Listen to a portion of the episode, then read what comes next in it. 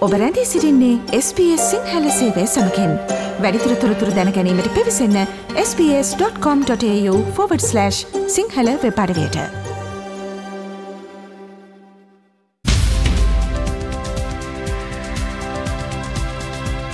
අපි තාමත් ඉන්න ජුනි මාසේ. මේ ජුනි මාසේ ඔස්ට්‍රලයානු සෞඛ්‍ය දිනදර්ශනයට අනුව තවත් වැදගත් මාසයක් වෙනවා. එතමයි මේ පිලිස්සීම් පිළිබඳව දැනුවත් කිරීමේ මාසය විදිහට. විධාකාර හේතුන් මත මේ පිලිස්සීම් සිද්ධ වෙනවා. මේ පිලිස්සීම් සිද්ධ වෙන කොහොමද? ඒවට තින ප්‍රතිකාර කරම ඒ වගේම ප්‍රථමාධාර මොනවද කියලා මේ මාසේ පුරාවටම සෑම සමාජ කොට්ටාසයක්ම දැනුවත් කිරීම සිද්ධ වෙනවා.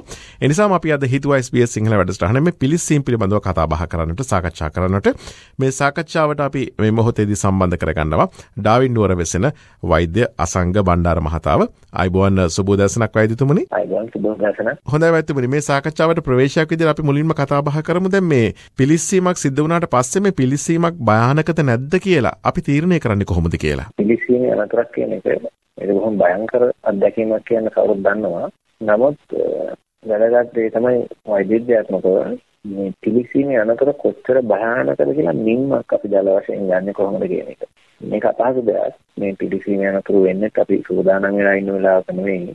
ඒ නිසා ඒ පිළිබඳ ලොකු අත්දැකීමක් නැති කෙනෙක් මේ නින්න ගන්න ගොඩාක් කාලය ගත කරන්න බාන කියන අවශ්‍ය නැහැ. එහෙම අනතුරක් කියනවා නම් තමුන්ට මේක කොච්චර භයානකද තේරෙන්නේ නැත්නම් ප්‍රධානම දේ රෝගියාව හැකියක්මනින් වෛද්‍යවරයෙක් ගාවට රෝහලේ හදිසි සත්කාරයකට එමර්ජන්සි ඩිපාර්ට්මන්ට් එකට ගෙනියන එක.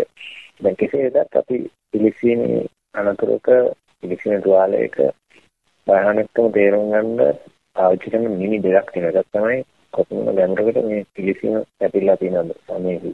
සමේහිත කොපමණ ගැඹුරකට. ඒ අනුව වර්ග කරනවා පිළිසින තුවාල කාණ්ඩ තුනකට ෆස්ට් ඩිග්‍රී සෙකන්ඩ් ඩිග්‍රී සහ තර්ඩ් ඩිග්‍රී වශයෙන් පළවෙනි කාණ්ඩය තම මත පිට අපි කර්මය අමනයි හිතෙන්නේ හැබැයි ඉතාම වේදනාකාරී හත්තට හැවෙනවා ඒ පිළිසිත් වෙන අපි දැකලා තියෙන තත්ත්වයක් ඊළඟට ඉදිමෙන්න පුළුවන් මේ ප්‍රදේශයේ උදාහරණයක් තමයි කුමාලයකට අහුවෙලා අපේ පොඩි කොටසක් පිටින එක. බොහොම සුලභව කාටත් වෙලා තියෙන පිළිසීමක්. එන්න ඒ මට්ටමේ අනතුරක් තමයි මේ පළවෙනි කාණ්ඩයක වර්ග කරන්නේ. ඊළඟට දෙවැනි කොටස සෙකන්ඩ් ඩිග්‍රී බර්න් එකක් හැටියට ගන්නේ හැම ගණකෙන් කොටසක් පිළිසීම. අර මතු පිටම පිළිසීමට වඩා එයින් ඔබට ගිය තත්ත්වයක්. මේකෙදි තමයි දීබුබුලු එන්නේ මේ ප්‍රමාණය පිළිසිච්චාම තමයි දීබුබුලු මතුවීම දකින්න තියෙන්නේ. ඒ බිග් විකේ තුන්වෙනි කාරණේ තමයි හැමේ පූර්ණ ඝනකම පිච්චිලා සමහරලාට ඒක ගැඹුරටත් පිච්චිලා මේ වෙනකොට මේ ස්නායු අග්‍රහිම පිළිසීමට ලක් වෙන සංවේදන නැති වෙන තත්යකට එන්න පුළුවන්. ඒ තුවාලවල ඒ කිව්වේ පිළිසීමේ තුවාලේ ගැඹුර අනුව මේකේ භයානකම අපි වර්ග කරගන්න විදිහ. අනිත් කාරණය තමයි කොපමණ පරාසයක් කොපමණ ප්‍රදේශයක පැතිරලාද මේ පිළිස්සීමේ තුවාලය කියන්නේ. ඒ කියන්නේ අපේ ශරීරයේ වර්ගඵලයෙන් කොච්චරක් පිළිසිමට ලක් වෙලාද කියන්නේ. ඒක ගණනය කිරීමක් වගේ තමයි ඉනින්ම ගන්නේ වෛද්‍යවරයෙක්. අපි දැනගන්න ඕන දේ තමයි ශරීරයේ වර්ගඵලයෙන් 9% තියෙන ප්‍රමාණයට වඩා පිළිස්සුණු ඒක භයානක පිළිසීමක්. ඒ තත්ත්වය වහාම රෝහලකට රෝගියෙක් ගෙන යටි තත්ත්වයක්. කොහොමද අපි 109 කියන එකට අදහසක් ගන්න. දැන් මතක තියාගන්න පහසු විදිහකට කිව්වොත් සම්පූර්ණ අතක් වැඩි හිටි කෙනෙක්ගේ දකුණු අතකින් අතේ මත පිට පෘෂ්ඨයේ පිළිසිලා නම් ඒ තමයි 109. ඒතර අත් දෙකම දිගන 118. එක කකුලක් සම්පූර්ණයෙන් පිළිසිලා නම් ඒ කකුල 118ක්.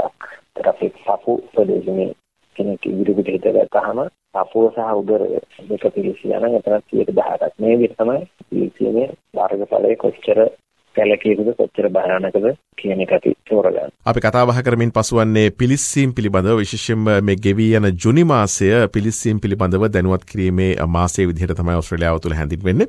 අපි කතා බහ කරා පිලිස්සීමක භයානකකම කොහොමද අපි තීරණය කරන්නේ සහ ඒ නිර්ණායක මොනවද කියන කාරණා.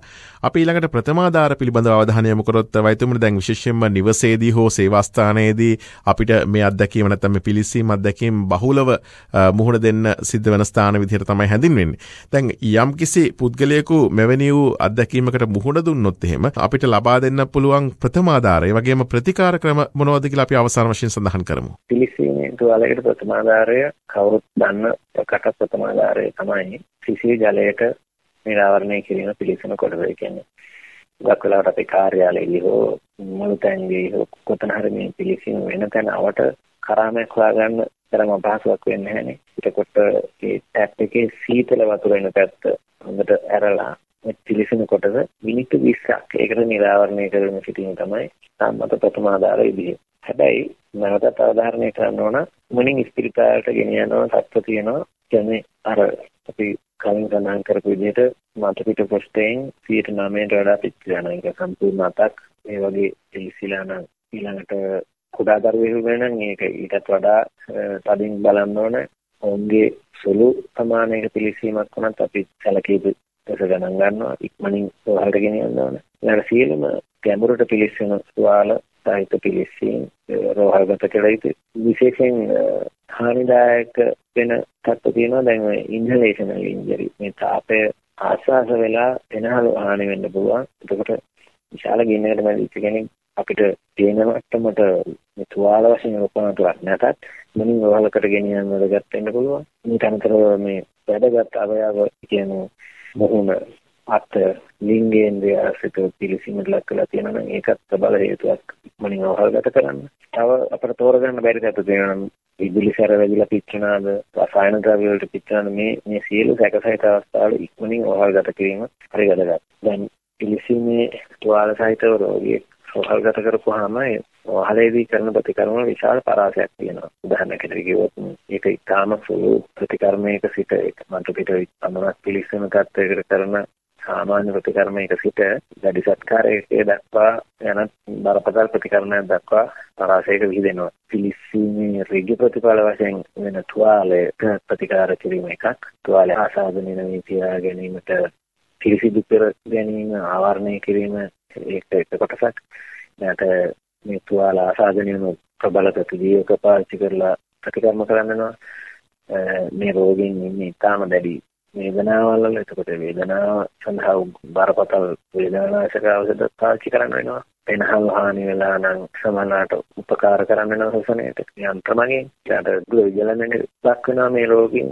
ඒගොල්ලන්ගේ විජලනය නිවැරදි කරන්න ඕන. ඊට පස්සේ අකුගඩුවක් ක්‍රිය වෙන්න පුළුවන්. මේ වගේ විශාල පරාසයක සංකූලතා කොම්ප්ලිකේෂන් වෙන්න පුළුවන්. පිළිසීමේ අනතුරකින්. ඉතින් මේ මේ වගේ ප්‍රතිකර්ම සමහරලාට මේ හදිසියේ කරන කොටසට වඩා ඈතට විහිදිච්ච ප්‍රතිකර්ම විදිත් සලකා බලන්න වෙන අවස්ථා කවුරුත් දන්නවා දැන් සමබද්ධ කරන්න වෙනවා සමහරවිට මේ ලොකු පිළිසීමේ තුවාලයක් තියෙනකොට ඊළඟට සම ඝනවීම ඒ කැලල් ඝනවීම නිසා එන ඩිෆෝමිටිස් මේ ඇඟිලි වල එහෙම දැන් අපි අතේ අතේ පිළිසීමක් ඇති කරන සමහරලාට ඇඟිලි පාවිච්චි කරන්න අපහසු මට්ටමට ඒ වගේ කලන සීමා වෙන මට්ටමට හැම ගණනීම් ආදී වෙනවා. ඒ කැලල් ගන්න වෙන ආකාරය අනුව. ඒකට ඒවට වෙනම සැත්කම් කරලා ඒවා ඇහැල්ල කරන්න ඕනේ. මේ වගේ පුළුල් පරාසයක ඊදෙනවා පිලිස්සුමකට කෙරෙන ප්‍රතිකාර. අපි සාකච්ඡා කරමින් පසු යේ මේ පිලිස්සීම් පිළිබඳව මොකද මේ ගෙවී යන ජුනි මාසය ඔස්ට්‍රේලියාව තුළ පිලිස්සීම් පිළිබඳව දැනුවත් කිරීමේ මාසය විදිහට තමයි හැඳින්වෙන්නේ.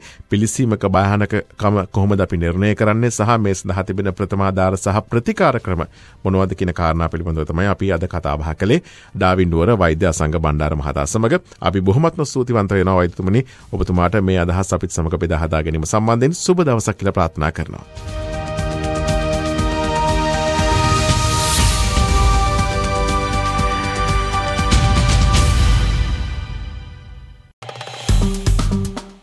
ලයි කරන්න ෂයා කරන්න අදහස් ප්‍රකාශ කරන්න SBS සිංහල ෆස්බුක් පිටුව ෆලෝ කරන්න.